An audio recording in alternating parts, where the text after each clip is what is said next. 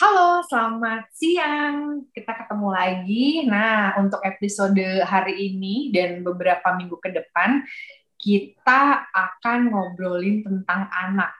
Uh, anak umur berapa nanti akan nanti kita tanya sama narasumber anak umur berapa yang bakal kita bahas. Nah, uh, kita hari ini kedatangan tamu nih teman-temanku. Uh, aduh sama-sama ancur, sama-sama sama-sama sama-sama gitu deh pokoknya ya. Uh, dia psikolog anak, eh psikolog pendidikan, sorry, psikolog pendidikan, uh, tapi memang uh, berkecimpung juga di bidang anak gitu. Namanya adalah Kakak Linda. Hai, Bo. Halo Kakak Ana. uh, hari ini kita mau ngebahas dulu uh, tentang yang anak nih episode anak yang pertama adalah kita akan bahas tentang emosinya gitu. Nah sebelumnya nih Lin, gitu biar teman-teman yang dengar juga paham ini yang akan kita bahas ini anak usia berapa ya Bu? Oke, mungkin supaya lebih enak kita bahas dari anak usia dini dulu, baru nanti bertahap ke yang usia lebih besar. Oke, oke baik. Kalau anak usia dini berarti usianya berapa nih? Dari berapa sampai berapa? Sampai umur 7 tahun. Sampai umur 7 tahun. Hmm. Oke. Karena topik yang pertama ini uh, teman-teman kita akan bahas tentang emosi anak. Uh, aku aku lumayan sering banyak dapat dengar orang tua tuh agak sulit kenal sama emosi anaknya gitu ya. Nah, sebenarnya ya Lin gitu ya, sejak kapan sih anak itu mengenal emosi? Anak itu mungkin perlu ya kenal sama emosinya itu itu sejak kapan sih? Ya, jadi sebenarnya kan sejak uh, anak masih di dalam kandungan itu tuh dia sudah sudah bisa merasakan uh, gejolak emosi dari ibunya. Okay. Gitu. Karena secara biologis pun ketika ibu itu uh, senang atau stres itu kan memproduksi hormon-hormon tertentu yang itu juga bisa dirasakan oleh anaknya. Hmm. Makanya kenapa ibu hamil nggak boleh terlalu stres karena bayinya bisa ikut stres. Nah itu salah satunya.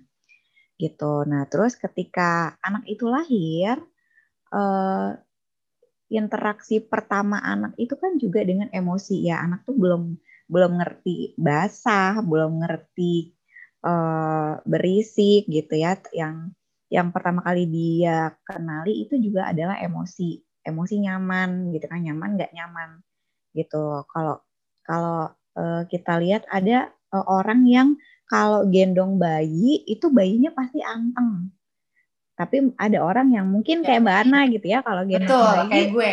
Uh, uh, anaknya Baru lihat gue aja langsung nangis cranky gitu kan. karena Iya, karena Mbak Ana merasa uh, takut kalau gendong bayi, takut bayinya kenapa-napa, takut nanti luka dan sebagainya. Nah, emosi itu juga bisa dirasakan oleh si uh, anak ini gitu bahwa orang yang berinteraksi sama dia ini emosinya sedang tidak nyaman, dia pun juga jadi merasa tidak nyaman. Itu sederhananya seperti itu. Nah, kemudian berkembang ketika mereka sudah mulai belajar uh, lebih banyak berinteraksi ya, gerakan fisiknya sudah lebih banyak, kayak sudah mulai lebih bubbling gitu ya, udah mulai ba ba ba ba, ba gitu. Uh, itu kan mereka sudah lebih bisa mengekspresikan dirinya secara verbal gitu dan juga secara behavior. Nah, di situ juga uh, anak tuh sebenarnya sudah menunjukkan kalau dia marah, sedih, kesel gitu. Nah, cuman tidak dengan kata-kata yang uh, konkret seperti kita orang dewasa karena mereka masih belajar. Nah, di situ sebenarnya orang tua sudah mulai bisa mengajarkan validasi emosi. Jadi kalau misalkan anaknya meskipun anaknya belum bisa ngomong tapi anaknya menunjukkan bahwa dia marah, kita bisa sebut gitu. Wah, adik marah ya. Eh, soalnya mainannya diambil atau oh adik seneng ya dapat boneka baru misalnya. Nah itu tuh sudah mulai bisa diajarkan di sounding gitu ke anak-anaknya supaya mereka uh, familiar dengan apa yang saya rasakan ini itu ada namanya. Gitu. Nah itu berkembang sampai nanti anaknya usia lebih besar uh, itu akan sangat membantu nih kalau orang tua sejak sejak dini sudah banyak melakukan validasi emosi terhadap anaknya Kenapa ini menjadi penting? Karena kalau anak itu tidak bisa mengenali emosi yang dia rasakan, padahal dia sudah bisa ngomong, gitu ya dia akan uh, akan merasa frustasi gitu karena gue pengen ngasih tahu lo kalau gue tuh marah tapi gue nggak tahu caranya gimana itu akhirnya munculnya ke perilaku jadi ngamuk okay. lah gitu itu itu kan sebabnya jadinya kalau kalau kita uh, pernah dengar mungkin atau tahu istilah tantrum segala macam itu itu kan bentuk frustrasi anak uh, untuk menyampaikan emosinya mungkin salah satunya kepada orang tuanya itu bentuk kayak gitu Lin atau atau gimana? Iya betul sekali. Jadi kalau tantrum di usia uh, sampai umur 2 tahunan itu masih wajar karena anak kan belum bisa berkomunikasi dengan baik secara verbal dan juga mereka masih bingung untuk meregulasi dirinya apa yang dia rasakan gitu ya. Uh, kenyamanan dirinya itu tuh masih bingung banget. Nah sedangkan kalau anaknya sudah lebih besar dari itu dengan kemampuan bahasa yang juga sudah berkembang dengan baik kan anak umur tiga tahunan tuh mestinya udah cerewet ya udah sudah bisa merangkai kata menjadi kalimat.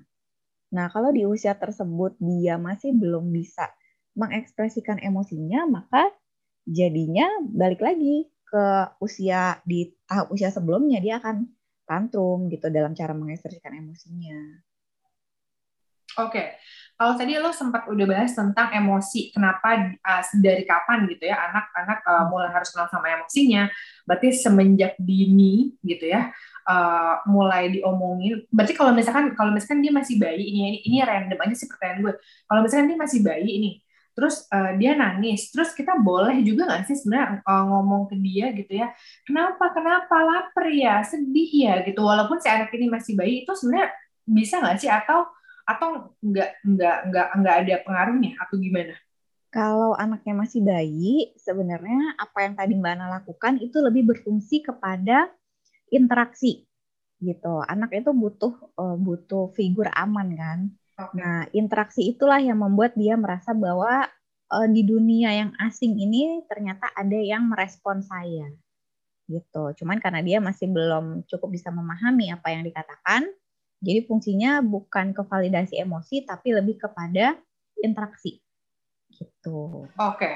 Uh, sedangkan kalau misalkan di emosi gitu ketika nanti dia sudah tumbuh sudah mulai bisa ngomong atau apa, uh, yang perlu dilakukan adalah validasi emosinya dia supaya tadi supaya dia tidak frustrasi sendiri uh, ngadepin emosi yang dia rasain gitu ya, Bo. Iya betul. Okay. Terus juga terus sama bisa ditambahkan uh, sambil anaknya diajarin berbagai uh, macam emosi, misalnya uh, pakai buku cerita gitu Ya. kan kalau buku cerita bergambar gitu ya nggak harus gambar orang bisa gambar hewan atau apa gitu uh, yang ekspresi mukanya kayak uh, mengerikan gitu kita bisa tanya ke anak menurut kamu ini uh, gajahnya lagi kenapa ya gitu. biarkan oh. anak biarkan okay. anak meng, apa ya mengeksplor gitu ya. aneka ya, emosi ya, ya. bisa jadi mereka punya persepsi sendiri nah itu jadi media kita buat meluruskan kalau mukanya kelihatannya marah, tapi anaknya, oh ini gajahnya lagi seneng banget nih. Oh ya, senengnya kenapa? Gini, gini, gini, gini. Oh, tapi mama melihat mukanya kok kayak lagi marah ya gajahnya. Nah, itu baru deh kita jadi bisa pelan-pelan uh, membantu anak mengenali ekspresi-ekspresi emosi. Oke, ngomongin ekspresi emosi, ini sebenarnya kan nggak lepas dari basic emotion ya, nggak lepas ya. dari emosi dasarnya gitu. Nah, hmm. uh, kalau gue gue cukup sering tuh ngomongin tentang emosi dasar tapi kan di dewasa gitu. Nah, uh, kira-kira kalau kalau di anak-anak gitu ya curiganya mah sama lah ya emosi dasar gitu. Bolehkah kalian dijelaskan emosi dasar itu apa aja sih gitu sebelum sampai akhirnya anak itu punya ekspresi uh, punya ekspresi emosi gitu. Uh, kalau emosi dasar itu sama sih ya, marah, uh, sedih, senang, sama uh, jijik ya marah, sedih, senang, takut. Oh iya, takut. Uh, uh, jijik. Okay, takut jijik. Satu lagi kaget. Oh iya. Surprise. Kaget. Ya, itu sama sebenarnya. Uh-huh. Nah, tapi kalau terkait sama ekspresi emosi sebenarnya hmm, pengena ekspresi emosi itu duluan sebelum anak-anak ini bisa mengenali emosi-emosi dasar gitu karena sebelum mereka bisa mengenali ini namanya apa dan segala macam kan mereka juga sudah mengekspresikan emosinya sebenarnya gitu ya. Cuman ya itu bentuknya uh, adalah dengan nangis, dengan ngamuk, dengan uh, diem aja. Nah, itu yang kita bantu uh, supaya anak bisa menyebutkan. Kan daripada ngamuk-ngamuk, melelahkan, frustasi, lebih mudah bilang kalau aku marah. Dan lebih lebih mudah daripada dia harus melewati uh, tantrum gitu. Karena uh, bayangkan kalau anak ini misalnya sudah umur 7 tahun atau enam tahun deh gitu ya umur 6 tahun, tapi dia masih belum bisa mengenali emosinya sendiri dengan baik, akhirnya kan dia juga kesulitan tuh buat meregulasi dirinya kalau lagi emosi.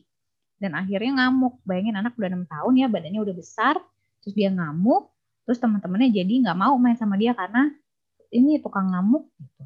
Nah itu kan mengganggu banget ya gitu untuk interaksi sosial. Iya, iya. Nah, uh, gini, ini kan berarti challenging juga ya buat orang tua gitu uh, uh, caranya mengenalkan emosi itu pada anak gitu karena hmm. ya seperti yang gue dan lo sering ngobrolin juga gitu nggak nggak semua orang tua sebenarnya juga bisa kenal sama emosinya mereka sendiri gitu hmm. sehingga ketika oh. ketika mengenalkan emosi ke anak itu bukan satu hal yang mudah juga buat mereka gitu. Nah, yes. tadi lo sempat udah bilang uh, sempat udah sedikit nyinggung tentang mengenalin emosi ke anak dengan cara uh, pakai baca buku gitu. Ada lagi kah yang lain ya? Misalnya dengan emotion card gitu ya. Kan sekarang banyak tuh dijual kartu-kartu bergambar aneka ekspresi emosi. Atau dengan nonton, nonton film, film kartun anak-anak gitu itu nah kalau anak nonton itu didampingi, jangan dibiarin gitu aja. Kenapa? Karena itu bisa bermanfaat sebenarnya. Kalau misalnya didampingi itu bisa jadi media belajar buat anak-anak. Nah, tapi kalau dilepas gitu aja ya tidak berfaedah lah ya gitu ya. Karena anak juga belum bisa mendapatkan insight dari apa yang dilakukan. gitu. Terus uh, misalkan uh, bercerita tanpa buku. Jadi uh, kayak semacam night talk gitu ya sama anak. Ngobrol gitu kayak misalkan ngarang. Pada suatu hari ada seekor kucing yang merasa sedih sekali. Nah terus nanti besok-besok gantian anaknya suruh cerita gitu. Intinya adalah kita memperkenalkan emosi gitu ya aneka macam emosi dan contoh aplikasinya. Kayak misalnya kucingnya sedih karena ikannya hilang gitu. Itu kan emosinya apa konteksnya apa. Nah nanti besok besok kita coba minta anak kita gantian yang cerita. Nanti kita bisa cek apakah pemahamannya dia tentang emosi itu sudah tepat atau belum. Jadi caranya lebih ke dengan cara yang menyenangkan ya buat anak-anak. Oke, okay. itu di, bisa dimulai dari anak usia berapa sih, Lin? Kalau kalau berarti kan mainnya apa role play mungkin atau atau tadi tuh ngajarin bareng-bareng ngajarin anaknya uh, sambil baca bareng-bareng atau nonton bareng-bareng itu bisa dimulai dari umur berapa sih kok? Semulai anaknya umur 2 tahun sudah bisa karena 2 tahun itu mestinya dia sudah mulai bisa uh, merangkai dua tiga kata. Oke. Okay. Nah ini ini pertanyaan yang baru aja pop up dari pikiran gue sih sebenarnya ya gitu. Mohon maaf nih, semoga lu sudah sudah semoga lu bisa menjawabnya. Gini, uh, gimana atau pada bukan pada sih, uh, adakah ciri-ciri atau karakteristik tertentu yang membuat orang tua jadinya perlu apa ya perlu perlu hati-hati gitu ya perlu mulai mulai uh, mungkin mengubah pola asuhnya atau apa karena mungkin anaknya itu tadi belum belum fasih uh, berkomunikasi uh, belum fasih untuk mengekspresikan emo, uh, emosinya atau apa. Itu ada nggak sih uh, tanda-tandanya? Red flagnya gitu ya? Iya gitu. Ya uh, kalau misalnya anaknya uh, setiap kali mengalami uh, kejadian buruk entah itu sesuatu yang mengecewakan marah atau sedih itu ekspresinya sama semua. Ngamuk guling-guling misalnya. Oh, okay. Nah, berarti kan anaknya masih belum bisa membedakan. Gitu. Terus atau kalau misalkan anaknya sudah umur eh, tiga uh, tahun, tapi masih uh, setiap kali marah atau kecewa akan suatu hal, atau hal yang sederhana ya, kalau misalkan kecewakan satu hal yang besar itu masih oke okay lah gitu ya, anak kesulitan meregulasi emosinya. Tapi kalau untuk hal-hal sederhana, uh, sekedar misalnya dia nyusun um, mainan terus mainannya jatuh, itu kan harusnya dia tidak perlu sampai nangis berguling-guling. Nah, tapi kalau anak masih melakukan itu, instead of dia ngomong, ah, aku sebel banget nih mainannya jatuh terus gitu. Nah, itu berarti sudah perlu diwaspadai gitu. Anak anak saya mungkin mengalami kesulitan untuk bisa mengidentifikasi emosinya dan itu perlu dibantu. Terus kalau kayak gitu berarti yang perlu dilakukan orang tua adalah datang ke psikolog atau masih bisa ngebenerin sendiri dulu? Coba dilakukan validasi emosi dulu sesering mungkin gitu supaya uh, kita coba kasih stimulasi gitu dengan optimal dulu. Kalau memang ternyata dalam tiga bulan tidak ada perubahan, dua atau tiga bulan, uh, baiknya segera konsul ke psikolog lebih cepat lebih baik. Oke. Okay. Nah ini ada pertanyaan dari netizen, cik gaya banget ya gue jadi gini, uh, banyak yang suka nanya ke gue gini, gimana caranya lo ngebedain antara anak itu cari perhatian sama memang dia beneran merasakan itu, perasaan emosi itu bener-bener gitu loh, gitu. Hmm. Itu gimana sih yang yang bisa membedakan gitu? Kalau uh, anak memang benar-benar emosi, itu konteksnya jelas, situasinya jelas. Tapi kalau anak cari perhatian, itu situasinya tidak seburuk yang uh, dia ekspresikan gitu. Misalnya contohnya nih, kalau uh, anak ini emang pengen nyari perhatian bapaknya. Contohnya dari anak gue ya gitu. Uh, sesederhana uh, kesenggol sama adiknya, itu dia bisa nangis. Bapak tadi aku kesenggol sama adek, aku merasa gini gini gini gini. Dia sudah bisa mengekspresikan emosinya sebenarnya dengan baik anak gue itu. Cuman ketika dia mencari perhatian dari bapaknya, maka dia akan mengekspresikan itu melebihi dari yang sewajarnya. Gitu. Oke. Okay. Okay. Tapi ada juga anak-anak yang uh, combo. Jadi dia belum bisa mengekspresikan emosinya dengan baik plus butuh perhatian. Itu biasanya hmm ekspresinya akan lebih dahsyat. Gitu. Karena di satu sisi dia pengen cari perhatian di satu sisi juga dia frustasi dengan emosinya. Orang tua tahu dari mana? Berarti kalau misalkan anak ini memang combo atau anak ini sebenarnya pure uh, cari perhatian aja gitu itu gimana ngebedainnya? Kalau anaknya cari perhatian uh, ini kayak sebenarnya ini bukan secara teoretik sih. Cuman based on practice ketika anaknya diberikan perhatian, dipeluk, didengarkan gitu, akan jauh lebih tenang, langsung drop gitu. Tapi kalau anak memang kesulitan dengan emosinya, maka akan ada ber proses bergeningnya.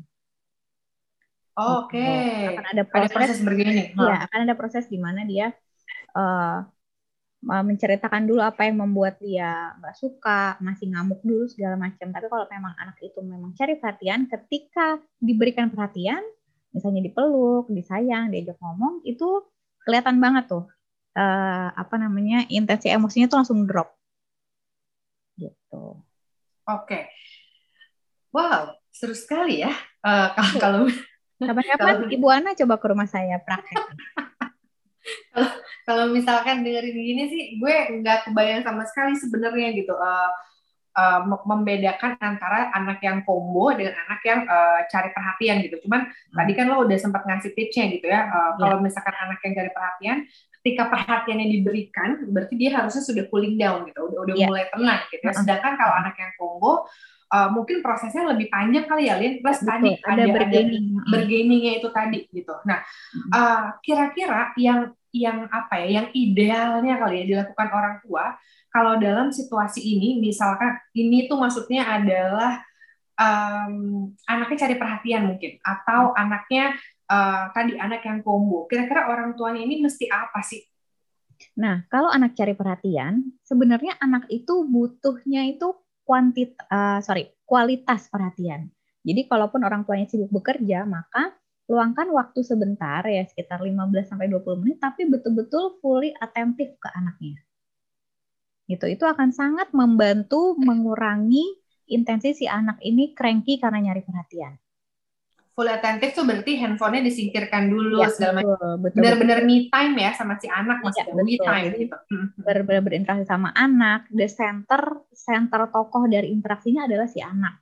Jadi mendengarkan dia pengen apa, ceritanya apa, serandom apa pun itu, seenggak jelas apa pun itu, excited lah dengan apa pun yang dia sampaikan. Walaupun kita lagi kayak, ini anak ngomong apa sih gitu kan, gue nggak ngerti gitu. Tapi ya sudah gitu, anak butuh kita tuh terlihat memperhatikan dan terlihat hmm. tertarik dengan apa yang dia sampaikan. Oke. Okay. Gitu. Nah kalau anak-anak yang combo ya berarti Nah, ini istilah gue pribadi ya, anak-anak combo ini. gitu. ya, ya. Kalau lo cari di term atau di sekolah lain mungkin belum tentu muncul istilah yang sama gitu.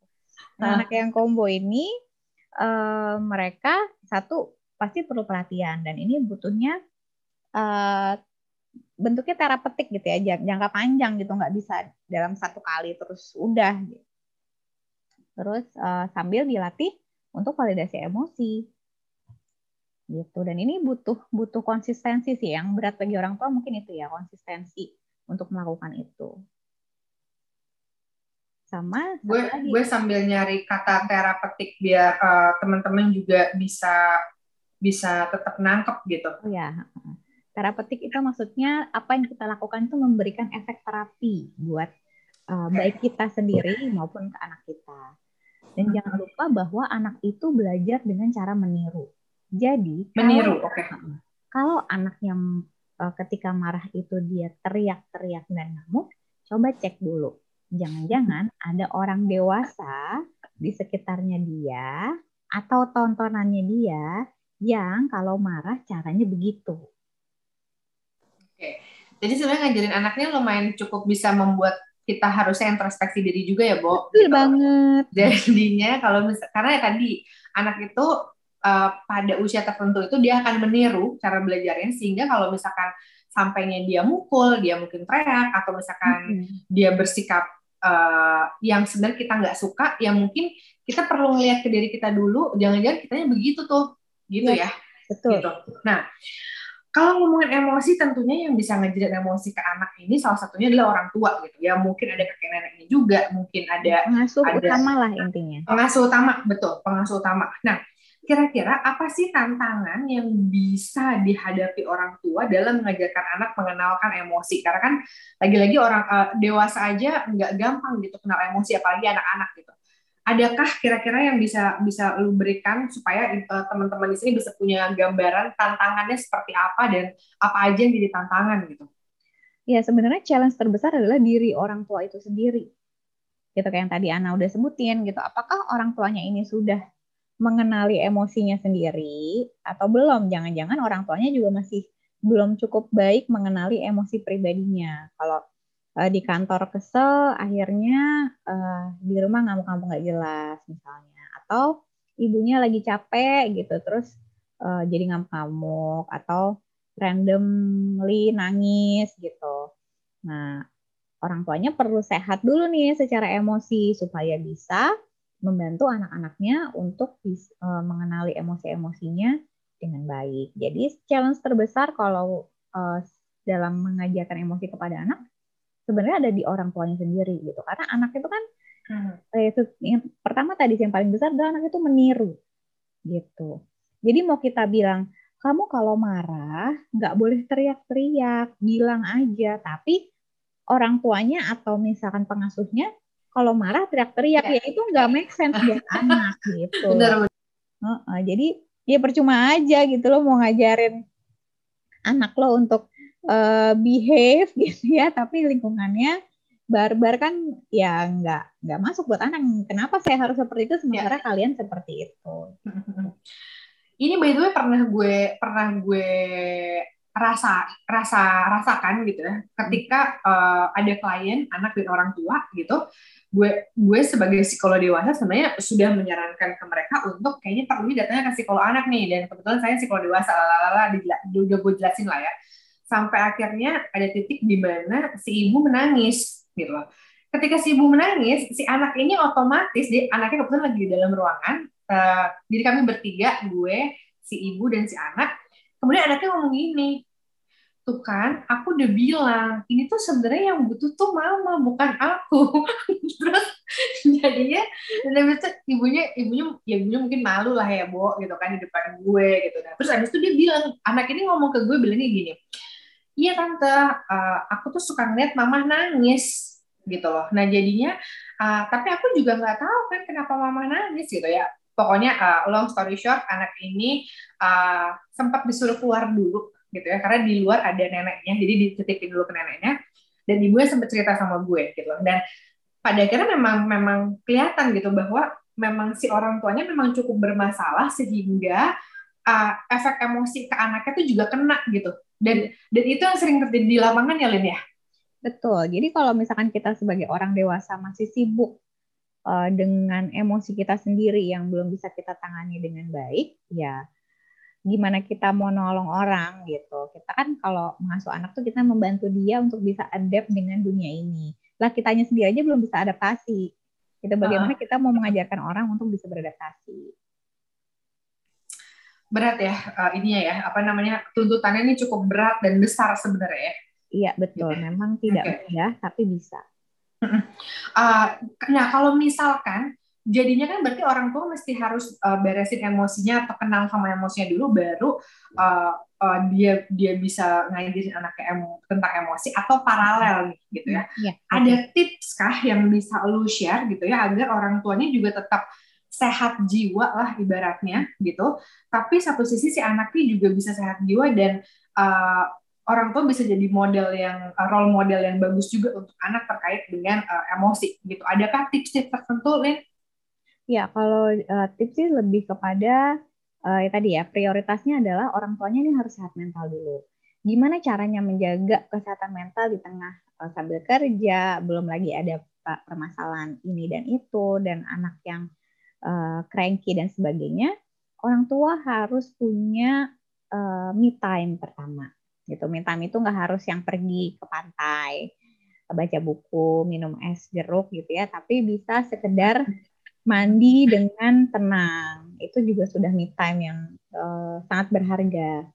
Terus bisa uh, ngopi sebentar di rumah aja nggak usah ke mana-mana tapi juga tidak terganggu oleh apa pun. Nah jadi ini memang perlu kerjasama dari semua anggota keluarga ya gitu.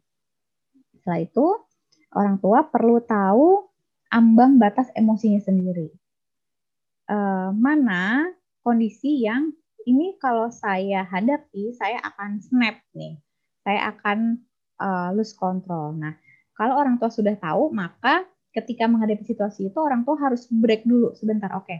daripada saya bereaksi dan membuat kondisi jadi lebih buruk, lebih baik saya diam dan saya menenangkan diri dulu sebentar. 5-10 menit sudah lebih tenang, baru kembali lagi berhadapan dengan situasi tersebut atau dengan anak gitu misalnya. Itu sih uh, kunci utama okay. adalah kunci. Betul. Yang pertama itu jadinya adalah uh, me time. Ya. Eh, bukan ya? Yang pertama me time. Ya, betul, me time. Ya, yang pertama me time. Yang kedua tahu limit. Yes. Ya, gitu. Yang pertama, yang kedua tahu limit. Dan hmm. yang tadi uh, mau gue garis bawahi adalah ini bukan uh, kerjaannya ibu aja.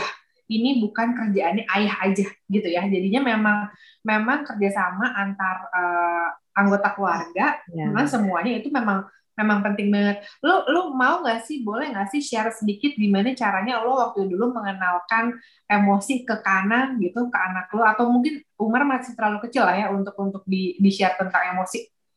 Uh, kalau anak gue yang pertama sekarang umurnya udah lima tahun, itu sudah mulai uh, belajar untuk uh, gue sudah sudah mulai menerapkan validasi emosi itu dari sejak dia umur 2 tahun gitu ya setiap kali dia senang sesuatu wah senang ya gitu. Kamu senang gitu. Ya intinya diajak interaksi untuk memperkenalkan ini yang lo rasain tuh namanya senang gitu. Terus uh, eh, besok besoknya sudah lebih uh, canggih ngomongnya sudah lebih bisa dipancing untuk cerita. Nah setiap kali bercerita itu tidak hanya uh, jadi di konten cerita tuh perlu ada emosinya Misalnya kayak tadi ya, uh, okay. suatu hari ada seekor gajah mencari makan. Nah itu kan cuma aktivitas, tidak ada emosinya. Ditambahkan emosi. Gajah itu senang sekali karena dia bisa menemukan pisang. Pisang adalah buah kesukaannya gajah. Nah jadi ada emosinya yang dimasukkan di dalam aktivitas ceritanya. Nah kalau anakku yang kecil, Umar itu sekarang umurnya baru mau satu setengah tahun, masih babbling, baru bisa beberapa kata, uh, tapi anak itu punya kemampuan bahasa reseptif yang berkembang lebih dulu dibandingkan bahasa ekspresif. Jadi okay. itu anak bisa paham apa yang kita omong, cuma dia belum bisa ngomong gitu. Oh, nah, I see. Uh, jadi itu sudah bisa, udah mulai bisa juga memperkenalkan ketika dia lagi marah gitu. Ih, Umar marah ya? Wah, marah nih Umar gitu. Terus atau dia lagi uh, senang banget sampai teriak-teriak tepuk tangan, itu bisa bilang, wah Umar seneng ya dapat uh, dikasih kue sama kakak gitu. Itu udah mulai bisa dilakukan. Berarti sebenarnya kalau misalkan bahasa reseptif ini bisa mulai di, diajarkan itu ketika anak sudah umur berapa?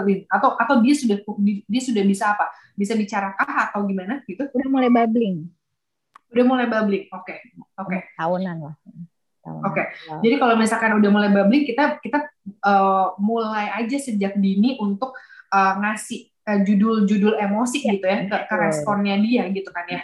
Betul. Jadinya. betul. Oke, okay. nah kalau misalkan gue jadi kepikiran, lu pernah nggak sih ngalamin gini?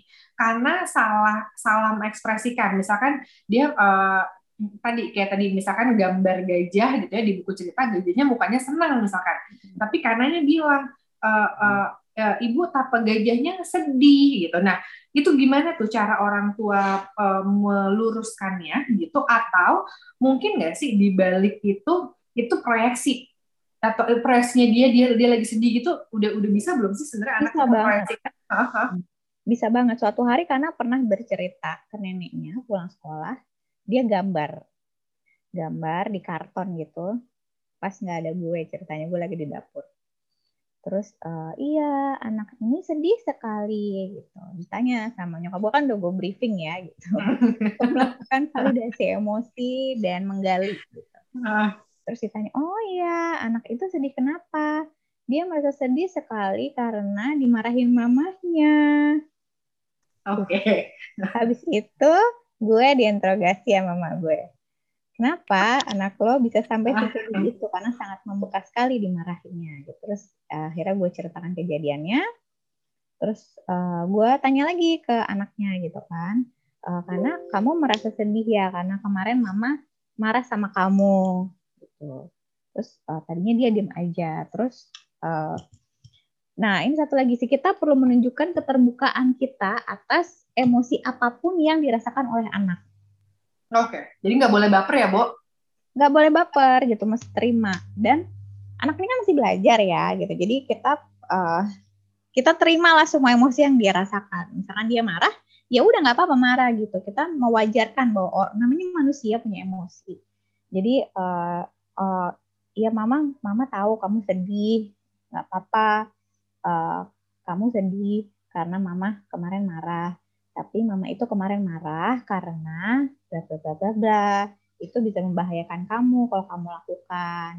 Nanti kamu bisa terluka bla bla gitu lah intinya. Tapi poinnya adalah uh, gua me menunjukkan kepada Kana bahwa uh, lo merasa sedih ketika dimarahin sama mak lo itu adalah hal yang tidak apa-apa. Oke, okay. ya, ya. Hmm kalau lo merasa marah sama mama karena kamu dimarahin sama mama itu juga nggak apa-apa gitu tapi itu hmm. tidak mengubah bahwa lo memang melakukan kesalahan gitu oke okay. tapi apa pun emosi yang lo rasakan ya itu itu uh, bisa gue terima gitu oke okay. Lin, gue jadi penasaran gini, uh, gimana cara taunya bahwa anak ini memang lagi memproyeksikan, lagi menggambarkan isi hatinya melalui gambar, sama memang dia belum uh, bisa membedakan mana sedih, mana marah, mana senang kayak gitu gitu. Kalau belum bisa membedakan, itu konteksnya rancu biasanya. Konteksnya nggak jelas. Rancu, rancu itu gimana bu maksudnya jadinya? Rancu. Jadi kayak misalnya uh, kalau dia belum bisa membedakan ya kayak tadi uh, dapat hadiah tapi sedih, gitu. Dipukul tapi ya, ya. Uh, biasa aja gitu. Dia di, dia dipukul sama temannya. Lalu dia makan roti. Gitu. Nah, harusnya ada terselip emosi di situ kan. Dia dipukul sama temannya. Nah, itu kita bisa tanya. Dia waktu habis dipukul sama temannya uh, bagaimana ya perasaannya? Kalau anaknya masih bingung bisa dipancing dengan uh, kalau misalkan habis dipukul sama teman rasanya gimana ya Okay. Nah, itu kita bisa ngeceknya di situ. Jadi sebenarnya orang tuanya juga perlu perlu kepo ya, Bo, gitu. Kalau misalnya iya. kayak gitu, gitu kan supaya supaya benar-benar tergali sehingga orang tua juga tahu sejak dini sehingga ujung-ujungnya orang tua juga bisa bisa uh, apa entah membenarkan emosinya maksudnya membenarkan arti emosinya gitu maksud emosinya atau ya. mengkoreksi atau memproteksi anak itu mesti gimana yang kayak gitu kali ya Iya betul. Jadi memang butuh interaksi karena anak ini kan masih belajar dan perlu dibantu. Jadi belum bisa dilepas dari nih lo baca deh buku tentang emosi gitu. belum bisa, Bo ya. Oke. Okay. Aduh, seru banget bahas tentang emosi kali ini gitu. Uh, poin-poinnya tadi sama Linda udah dijelasin detail banget dari mulai memang sejak usia dini banget anak itu diajarin tentang emosi sampai cara-caranya gimana sih supaya orang tua bisa punya pendekatan yang pendekatannya oke okay, gitu ya uh, ketika anak itu uh, punya punya punya emosi gitu supaya anak itu punya emosi gitu entah entah gambar entah dari buku ya, cerita gitu entah ya. uh, gue pernah per, masih inget banget ketika lo sering banget posting um, karena cerita sebelum tidur Iya, bedtime ya, story ya. Bedtime story-nya karena, gitu. Nah, uh, itu memang memang kelihatan fasih banget sih dia dia bisa nunjukin tuh bahwa ini begini walaupun konten ceritanya kadang random banget ya gitu kan. tapi sebenarnya dia bisa tuh menangkap itu gitu. Nah semoga emosi uh, belajar tentang emosi tentang anak kali ini emosi anak emosi pada anak kalah emosi pada anak kali ini bisa membuat teman-teman di luar sana bisa lebih paham gimana caranya uh, mengajarkan anak untuk uh, bisa paham tentang emosinya. Karena karena kalau yang gue rasain adalah baik pasien-pasien gue maupun gue sendiri gue nggak tahu lo ya bu Cuman memang uh, orang tua zaman dulu tuh miss banget nih buat ngajarin emosi pada anak gitu. Karena biasanya uh, ketika anak itu nangis langsung diharapkan dengan gak boleh cengeng gitu. Sehingga jadinya diem dan akhirnya justru kependem kependem kependem dan dan meledaknya pas dia gede gitu. Tentunya kita nggak mau tuh kayak gitu gitu kan. Iya, ada gitu. culture di Indonesia yang uh, mengabaikan emosi. Gitu. Di, Betul. Untuk mengabaikan emosi. Anak cowok nangis, ayo anak cowok nggak boleh nangis. Loh, hmm. emang kenapa? Kan sama-sama punya air mata gitu kan. Hmm. Itu yang uh, sangat perlu dilawan ya, diubah, diubah, sorry, perlu diubah gitu kan. Diubah, diubah. Karena itu tidak baik untuk kesehatan mental siapa pun. Betul. By the way, uh, gue jadi gara-gara lo ngomong gitu, gue jadi disclaimer dulu, bukan disclaimer sih, gue gue jadi perlu menambahkan gini uh, penjelasan tentang emosi pada anak yang kali ini ini ini berlaku untuk baik anak laki-laki maupun perempuan ya teman-teman gitu loh. Jadi uh, pemahaman tentang emosi itu punyanya semua orang, means artinya tanpa mengenal jenis kelamin gitu, tanpa mengenal gender, tanpa mengenal jenis kelamin. Uh, itu itu haknya si anak buat kenal emosi juga gitu. Iya, betul. Nah, uh, untuk emosi nih uh, sampai di sini dulu gitu. Kalau misalkan teman-teman Linda thank you banget. Kalau misalkan nanti teman-teman ada yang mau nanya atau uh, ngasih apa ya ngasih cerita atau misalkan ngasih topik, please banget kontak aku uh, di email ana.desian@gmail.com gitu ya. Itu ada di uh, captionnya, uh, descriptionnya podcast atau DM di uh, IG-nya 20,000 word podcast. Nanti kita akan bahas itu gitu. Bo, terima kasih banyak ya. Semoga Sama-sama. selalu sehat. Salam buat Kana dan Umar. Oke? Okay? Terima kasih Tante Ana. Terima kasih. Bye-bye.